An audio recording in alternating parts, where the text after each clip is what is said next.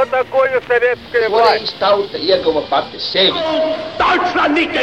Liktenīgas nejaušības un slēptas likumsakarības, subjektīvas patiesības un objektīvi aizspriedumi. Pēc atpūšņa nekad nenāk uzreiz pavasars, bet sākās Arī šodien cilvēki ir ļoti tuvredzīgi. Viņi redz to naudu, kas ir. Televīzijā jau pamatā notiek cīņa par varu. Pagātne no šodienas skatu punkta un šodienas caur pagātnes prizmu. Raidījumā šīs dienas acīm. Katru svētdienu Latvijas radio eterā Eduards Liniņš. Labdien, cienījamie klausītāji! Latvijas valsts prezidenta vēlēšanu tuvums man ir pamudinājis pievērsties šīs prezidenta institūcijas vēsturei un palūkoties uz tiem prezidentiem, kas bija mūsu valsts galvas starpkaru periodā. Un šodien es gribētu parunāt par trešo pēc skaita Latvijas valsts prezidentu Albertu Kviesi. Mans sarunbiedrs studijā vēsturnieks Latvijas Nacionālā arhīva vadošais pētnieks Artūrs Žvinklis. Labdien! Labdien! Runājot par Albertu Kviesi, viņš ir trešais pēc kārtas Latvijas valsts prezidentu virknē, un viņš ir arī gados visjaunākais no visiem trim. Faktiski tā ir, ka Latvijas valsts prezidenti šo amatu ieņem tādā vecuma secībā arī dzen, sākot ar Jāni Čaksti, kurš ir vēl no tās paudzes, kuru lielā mērā sabiedriskajā un politiskajā dzīvē ievadīja jaunatvieši. Viņš pats ir, būdams students Maskavā, vēl ticies ar Krišjānu Valdemāru. Savukārt Gustavs Zemgals ir pieskaitāms lielā mērā pie jaunstrāvnieku paudzes, varbūt nu, salīdzinoši tā jaunākās daļas. Alberts Kviesis ir salīdzinoši jaunāks. Viņš ir vēl students laikā, kad notiek 1905. gada revolūcija. Viņš tieši tajā laikā ir tieslietu students Tērbatā. Un viņš ir savukārt no tās latviešu sabiedrisko darbinieku grupas, kuri tā kā sabiedriski darbinieki lielā mērā nobriest Pirmā pasaules kara bēgļu kustībā, šajās bēgļu apgādāšanas organizācijās. Mēs varam minēt Zigfrīdu Annu Meirovicu, kā vienu spilgtu piemēru, vēl Adolfu Klīvi šai grupā, tātad arī Alberts Kviesis. Vai šai paudzei ir kādas kopīgas iezīmes? Ja runājam par šo paudzi, tad viņu sabiedriskā un profesionālā darbība, kā jau Jūs te minējāt, sākās cariskās Krievijas laikā. Tas ir diezgan nozīmīgs faktors tajā ziņā, ka carisms šajā periodā pēc 5. gada revolūcijas iegūst stabilitāti, veidojas saimnieciskais uzplaukums Krievijas impērijā. Te jāņem vērā viens moments, kad nevienām, izņemot sociāldemokrātu radikālos spārnu, kas būtībā bija emigrācija aizdzīts, man te jāpiemina Miķeli Valteru pirmkārt, faktiski pilsoniskajās aprindās nav pat domas un īpaši netiek lolotas cerības uz kaut kādu Latvijas patstāvību. Latvija kā aizvien vēl ir sadalīta atsevišķās guberņās. Šajā gadījumā nekas nav mainījies.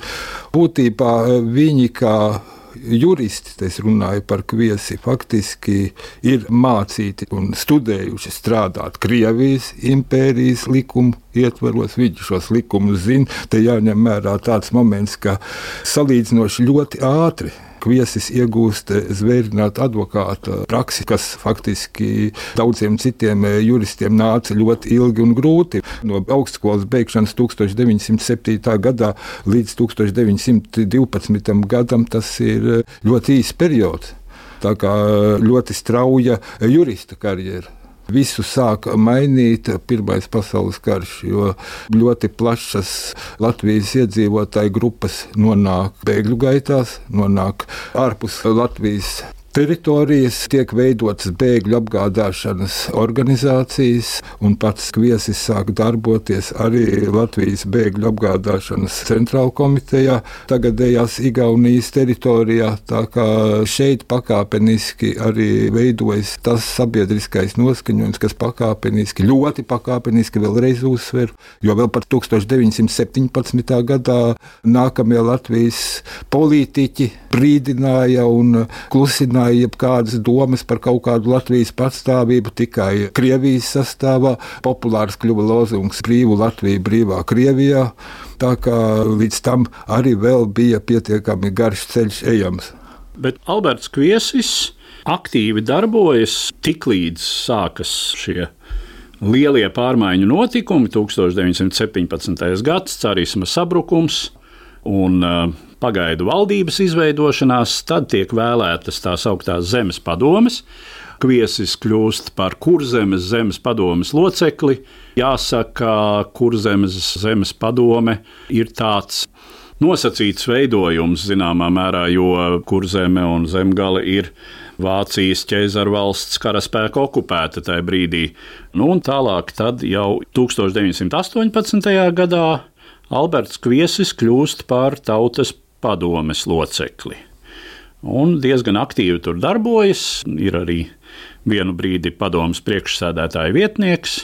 Tātad uh, viņš ir starp tiem, kuri, kā saka, stāv pie Latvijas valsts šūpuļa. Tieši tā, te jāsaka, ka jau 1921. gada jūnijā viņš gan uz īsu brīdi, tas ir faktiski uz pusgadu, iegūst ļoti ietekmīgu amatu ministru kabinetā, kļūst par iekšlietu ministru. Darbojoties pirmajās trijās Latvijas Republikas sasaukuma saimās, Viņš no 1926. līdz 30. gadam ieņem saimas priekšādātāja biedra amatu, tātad priekšādātāja vietnieks. Un tad, protams, pienāk brīdis, kad 1930. gada aprīlī Alberts Kviesis tiek ievēlēts Latvijas valsts prezidenta amatā. Albertu Kviesi kā valsts prezidenta amata kandidātu izvirza jau tajās vēlēšanās, kurās galu galā pēc ļoti ilga procesa ievēl Gustavu Zemgalu. Bet Kviesis, kā Zemnieku savienības kandidāts, arī pretendē. Kas varbūt ir tas, kas Zemnieku savienībai liek izvirzīt tieši Albertu Kviesi kā savu kandidātu, nevis, piemēram, Kārli Ulmani. Te varētu izteikt dažādas versijas, jo faktiski tā, ja pāranalizē Kārļa Ulmaņa darbību, uzskatus un intereses, galvenais politiskās intereses, viņš ir aktīvs cilvēks, ļoti aktīvs politiķis, kuru pirmkārt un galvenokārt interesē izpildvaru, tieši saimnieciskās lietas. Viņš nav jurists. Tas ir ļoti būtisks faktors. Tā laika Latvijā mēs esam savā laikā par to sen, sen atpakaļ runājuši raidījumos, ka šajā pirmajā Latvijas republikas neatkarības periodā visi Latvijas valsts prezidenti bija juristi. Un arī, kas attiecas uz Kārli Ulmani, tad viņš ļoti labi zināja, ka valsts prezidenta amats saskaņā ar satversmi principā lielos vilcienos ļoti maz atšķiras no tā, kas ir šodien Latvijas valsts prezidenta amats. Protams, tur bija nianses, es pat riskēšu sacīt, ka te mani varbūt palabotu tiesību zinātāji, ka toreiz Latvijas valsts prezidenta pilnvaras un tas jautājumu lokus un ietekme uz valsts politisko dzīvi bija daudz mazāka nekā tas ir pēc Latvijas republikas atjaunošanas pilnā apmērā saskaņā ar satversmi 1990. 93. gadā. Turklāt jāņem vērā, ka Jānis Čakste, kurš pirmais ieņēma šo Latvijas valsts augstāko amatu,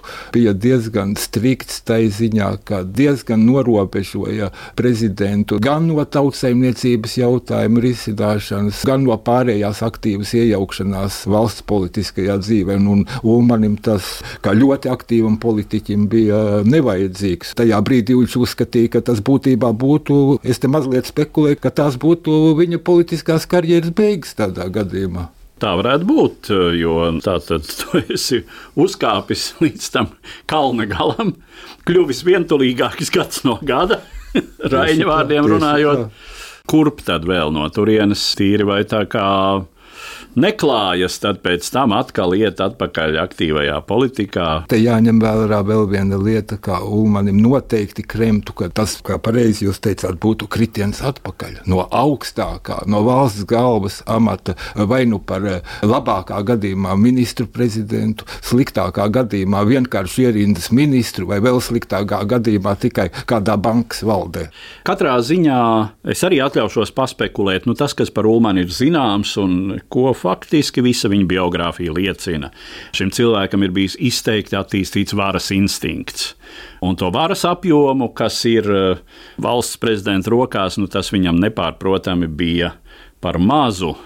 To mēs, protams, neņemsimies apgalvot, ka viņš jau to brīdi domāja par kādu autoritārismu variantu un sevi kā vadoni. Bet, protams, ka no valsts prezidenta amata tā sacīt atspēriena punkts startam uz šādu statusu ir daudz problemātiskāks nekā tad, ja tu turi savās rokās izpildvaras grožus. Tas tā par Kārlu Ulmanu droši vien, ka Zemnieku savienībai Varēja atrasties arī kādi citi kandidāti, lai gan tie, tad, acīm redzot, visdrīzāk ir vienā rindā ar Albertu Kviesi liekami. Spilgtu politiķu rinda arī Zemnieku savienībā bija pietiekami liela toreiz, un uh, vēl viens šāds ļoti spēcīgs kandidāts būtu Hugo Celmiņš. Bet te jāņem vērā Ulmaņa, kurš bija partijas faktiskais vadītājs, savstarpēji nepatika ar Hugo Celbiņu. Tā kā viņa kandidatūra pilnīgi iekšēji atkrita, jo Zemnieku savienībā ļoti lielā mērā visu noteica Kārlis Ulmans. Ja mēs runājam par Alberta Kvieša prezidentūras periodu, nu vispirms par to viņa prezidentūras daļu, kas iekrīt demokrātiskās Latvijas posmā.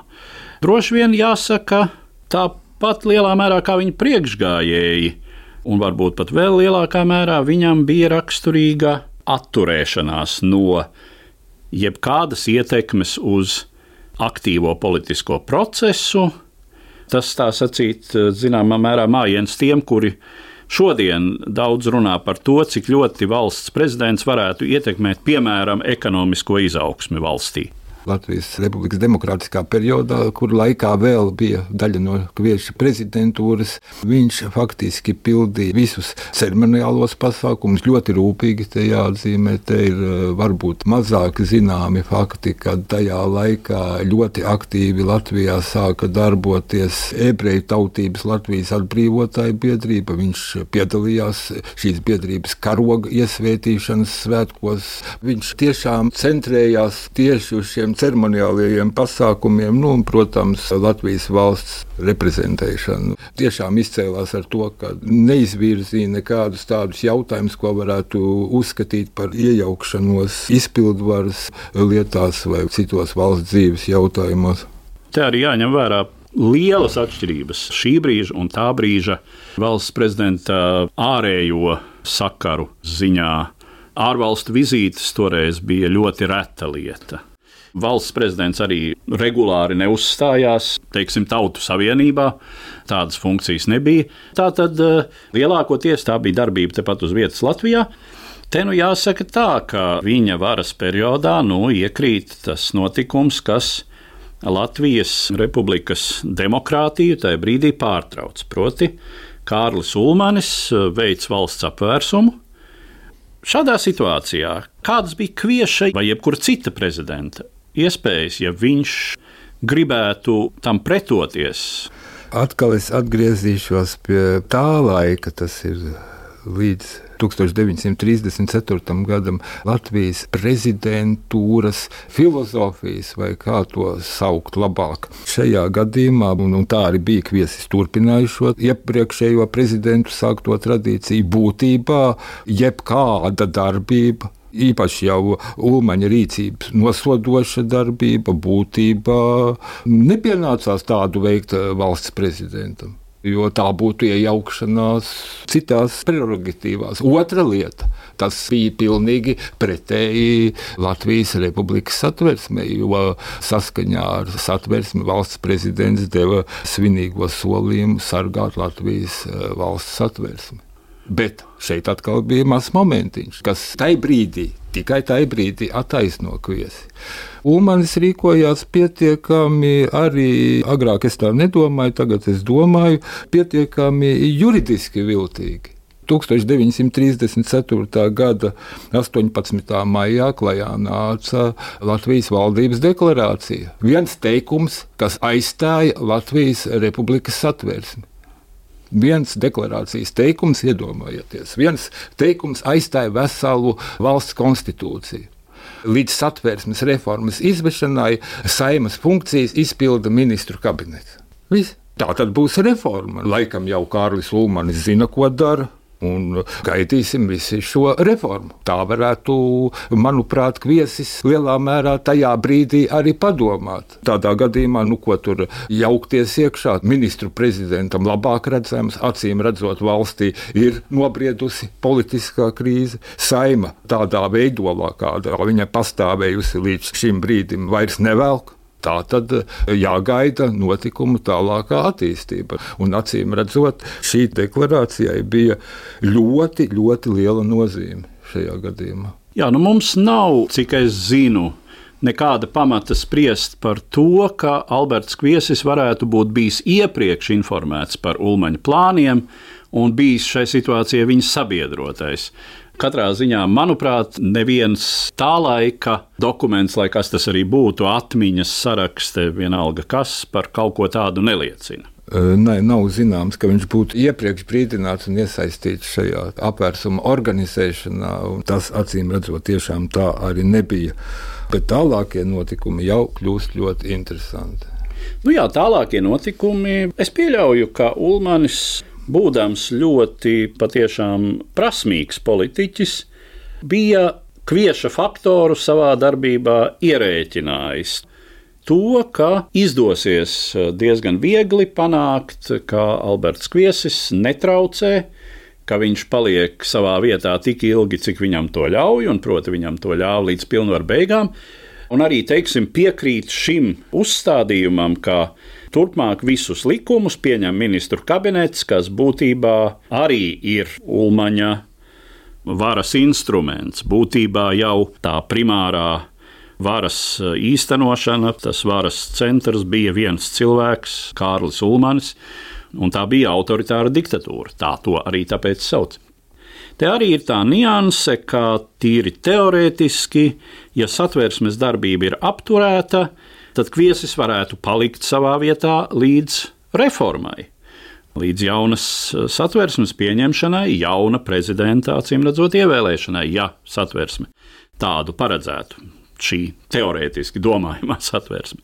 Bet uh, atkal jāsaka, ka Kviesis uh, nekādā veidā nepretojas tajā brīdī, kad Kārlis Ulmanis pieņem attiecīgu dekrētu par to, ka turpmāk viņš Līdz tam ministru prezidents pildīs arī valsts prezidenta funkcijas. Starp citu, šis dekrets bija ārkārtīgi interesants. 1936. gada 12. martā pieņemts ar formulējumu ministru kabinets ir pieņēmis un valsts prezidents izsludina. Nu, kā jau tas bija pēc 34. gada 15. maija pieņemts, un šis dekrets saucās likums par valsts prezidenta amata izpildīšanu. Ļoti īss likums, kura pirmajā pantā, kas ir visinteresantākais šajā likumā, ir vēlreiz teikts, ka līdz ministru kabineta 1934. gada 18. maijā deklarācijās paredzētā satversmes reformas izvešanai valsts prezidenta amatu izpilda ministru prezidents dr. Kārlis Ulmanis. Valsts likumā bija ierakstīta persona, kura turpmāk izpildīs valsts prezidenta pienākumus gan ar atrunu, kad līdz reformas izvešanai. Un otrais pants ir eh, savā ziņā nemazāk interesants. Kad ministru prezidents atrodas atvaļinājumā vai citu iemeslu dēļ nevar izpildīt valsts prezidenta amatu, pēdējo izpilda kara ministrs ģenerālis Balodis ierodas atkal personāla likums rakstīts divām personām. Gan prezidentam, gan tam, ko mēs nosacīti varam saukt par viceprezidentu šajā gadījumā. Lai dzīvo Kārlis Ulmans ar vienu ar vienu un ģenerālis Balodis ar vienu ar vienu. Tieši tā. Tas interesantākais, ka likumdošanas praksē tādi gadījumi ir ārkārtīgi reti, kad valsts likumā ierakstīts personas, kas pildīs valstī augstākos amatus. Ir tas jautājums, ka joprojām Kārlis Ulmanis tiek minēts kā Latvijas valsts prezidents. Oficiālos, arī tā skaitā Latvijas valsts uzturētos resursos, tā skaitā pirms šī raidījuma ieskatījos Latvijas prezidenta institūcijas mājaslapā, kur gan ir teikts, ka Kārlis Ulmanis bija valsts prezidenta pienākumu izpildītājs. Saskaņā ar to 36. gada likumu tiešām tā sakrīt, bet te atkal ir milzīgais jautājums, kā 1936. gada likums saskaņojas ar Latvijas Republikas satversmi šādā gadījumā. Ja mēs viņu šodien vēl aizvien saucam par valsts prezidenta amata pienākumu izpildītāju, tad vienalga mums ir jāatgriežas pie šī paša jautājuma, kā ir ar Latvijas republikas satversmi. Jo Latvijas republikas satversme, ja es pareizi saprotu, ir mūsu valsts tiesiskā turpinājuma pamats šai gadījumā iznāk ļoti, ļoti dīvaina lieta. Tas varbūt būtu juristiem jāpārdomā, jo nekad šādas juridiskās diskusijas nebija veikts. Ne 1993. gadā atjaunojot Latvijas republikas satvērsmi pilnā apmērā, ne vēlāk, kā vispār to novērtēt tīri valsts tiesiskajā aspektā. Šis jautājums tā arī uzkarināts gaisā. Nu, protams, ka saskaņā ar satversmi Kārlis Ulmanis ieņēma valsts prezidenta amatu nelikumīgi. Turklāt arī par ko mēs varbūt reizēm mazāk runājam. Šim 1936. gada 12. marta likumam par valsts prezidenta amatu izpildīšanu bija ilgāks mūžs. Viņa mūžs turpinājās vēl pie Augusta Kirkensteina valdības. Šo likumu veikli izmantoja PSRS okupācijas vara. Latvijā. Uz šī paša likuma pamata pēc tam tika atstādināts Kārlis Ulmanis, un viņa vietu ieņēma Augusts Kirkensteins tieši uz šī paša likuma. Nekas netika grozīts. Pirmajos mēnešos padomju okupācijas, tas ir no 17. jūnija līdz 5. augustam, Latvija darbojās pēc 1934. gada 15. maijā iedibinātās autoritārās varas sistēmas. Te nav runa par to, ka šo sistēmā jau uh, amatus ieņēma un funkcionēja pavisam citi cilvēki, un noteicēji bija vēl pavisam citi cilvēki ne no Latvijas puses. Tas ir cits jautājums, bet viss funkcionēja saskaņā ar šo 1934. gada 18. maijā iedibināto kārtību, ko mēs bieži šodien saucam par 15. maija republiku. Nekas netika mainīts. Jā, te varētu iebilst, bet ievēlēja taču tautas saimu, tā saucamo tautas saimu, lai gan juridiski dokumentā skaitījās saima. Nebija šī vārda tautas. Tautas vārdu piekarināja vēlāk. Bet ir viena mazs moments, ka tā saima, ko ievēlēja 40. gada 14. un 15. jūlijā, diezgan radikāli atšķīrās no tā, kas bija Latvijas Republikas saima. Jo šis parlaments, ja mēs to tā varam nosaukt, likumus vispār nepieņēma. Viņš pieņēma tikai deklarācijas. Likumus turpināja pieņemt ministru kabinets un apstiprināt valsts prezidents tā, kā to vēl 1900. 1934. gadā bija noteicis Kārlis Ulmans. Tur nemainījās pilnīgi nekas. Tā ir daļa no tā lielā jautājuma, cik lielā mērā mēs varam teikt, ka Kārlis Ulmans ar savu rīcību vispār veicot šo autoritāro apvērsumu, būvējot Latvijā autoritāru sistēmu un to darbinot, eh, bruģēja ceļu tai jaunajai, jau pēc tam totalitārajai okupācijas varai. Un te nu var atkārtot tikai vispār zināmo un elementāri saprotamo. Protams, viņš tā to negribēja. Tad, kad viņš ņēma šo varu 34. gadā, tad viņš arī neparedzēja šādu scenāriju. Protams, bet nu, no otras puses, faktiski viņš laupīja Latvijas valstī dažus būtiskus suverenitātes momentus, kuri nebūtu glābuši, protams, Latvijas neatkarību. Par to jau arī nav šaubu, bet būtu mazliet nērtāku padarījuši tai okupācijas varai savas sistēmas iedibināšanu šeit. Un es domāju, te patiešām šis uh, valsts prezidenta institūcijas uh, status Ulmaņa autoritārismu laikā ir viens no spilgtākajiem piemēriem, ka patiešām šis mehānisms tika darbināts vēl 40. gadā, jau okupācijas apstākļos, un ar Ulmaņa parakstu turpināja iznākt jau okupācijas marionešu valdības rīkojumi, likumi un tā tālāk. Runājot tīri formāli, tad jāsaka, ka laika posms no 1934. gada nu, teikšu, 18. maija līdz 36. gada aprīlim 11. Tas ir tas periods, kad valsts prezidents bija Alberts Kviesis un ministru prezidents Kārlis Ulmanis. Ir vienlīdzīgs. Es te nerunāju par politiskajiem aspektiem, par tām izmaiņām, kas notika Latvijā, bet pēc šī ārējā veidola ir jāliek trakna vienlīdzības zīme ar periodu no 1940. gada 21. jūnija līdz 21. jūlijam, jo šai brīdī Ulmanis nonāca tādā pašā stāvoklī kā Kviesis. Viņš palika valsts prezidents, ministru prezidents jau bija Augusts Kirkensteins. Tātad vienlīdzīgi kā savā laikā Kviesis valsts prezidents un ministru prezidents Kārlis Ulmanis. Tā kā precīza rokāde tādā veidā tikai mainīti personāži. Par paša Alberta Kvieša likteni tie mūža pēdējie gadi ir tādi droši vien var teikt, skumji pēc valsts prezidenta pilnvaru pārtraukšanas. Viņš saņem ļoti dāsnu pensiju, viņš arī darbojas vairāku uzņēmumu padomēs. Tad 40. gadā viņam tiek atņemts uh, jurista status pats par sevi, nu, kas viņš par juristu padomju juridiskajā sistēmā. Populāros avotos teikts, ka viņam ir izdevies izvairīties no 41.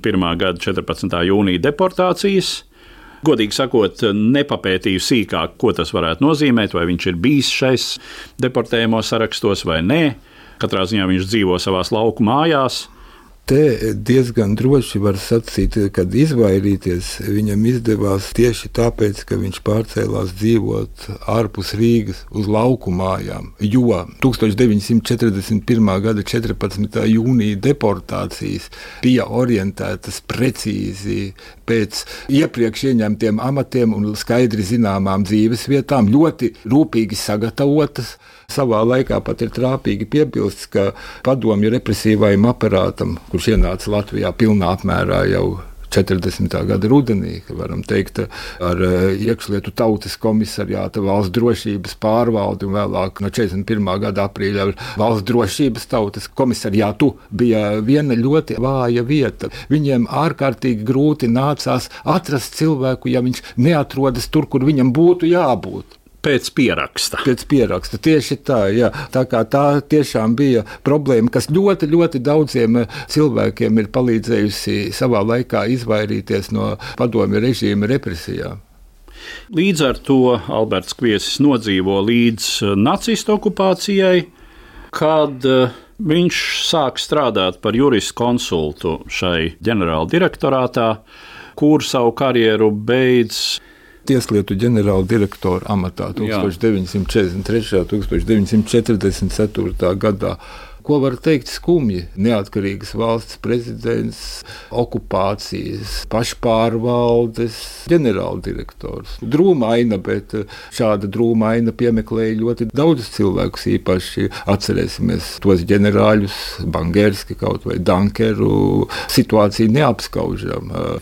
Viegli tagad runāt, upurējot ideālus, upurējot savu virsnieka godu, valsts prezidenta godu, kas reizē bija armijas augstākais virspavēlnieks. Šodien ir viegli spriedelēt, un mums bieži patīk spriedelēt. Jā, Ulmans nepretojās, vajadzēja pretoties. Tie tur ieņēma amatus Vācijas okupācijas pašpārvaldē. Bet, Mēs nevaram ielīst viņu ādā un uh, ar laika distanci kritizēt. Un, Jautājums ir arī par izdzīvošanu. Kādas vispār cilvēkam, kurš savā mūžā nav neko citu darījis, kā nodarbojies ar uh, jurista amatu vai arī bijis politiķis, ko tad cilvēks var ēst? Stādīt kartupeļus un bietes un no tā pārtikt. Kas to zina, vai viņam bija pietiekamā daudzumā ģimenes dārglietu vai sudraba galdu piedarumu, kurus varētu pārdot un šādā veidā vilkt dzīvību. Nu, pēc šodienas pensijas likuma viņš bija uz šīs pensionāra robežas šodienas izpratnē Latvijā. Cilvēkam kaut kā jānodrošina vecumdienas. Nu, jā. smags jautājums. Smags jautājums un viņš acīm redzot, tiešām nejūtās labi. Te jāņem vērā, kā viņš uz kuģa gatavojoties atstāt Latviju, doties atkal bēgļu gaitās, nomira ar sirdstrieku. Tas mūža fināls ir teju vai simbolisks. Uzkāpis uz kuģa, Daugavas grīvā, kuģis grasās atiet, bet um, bijušais valsts prezidents pēkšņi aiziet no šīs saules, nu līdz ar to var atdusēties dzimtajā zemē. Tā noslēdzās Alberta Kvieša mūžs. Un droši vien šim stāstam es arī par motīvu varu likt tikai to, ka netiesāsim, lai mūs pašus bargi netiesā par to, ko nu mēs savā mūžā esam darījuši. Un um, ar to es arī noslēdzu mūsu sarunu un saku paldies manam sarunbiedram, Latvijas Nacionālā arhīva vadošajam pētniekam Arturam Žvinklim. Katru svētdienu Latvijas radio viens par pagātni sarunājas Eduards Līniju.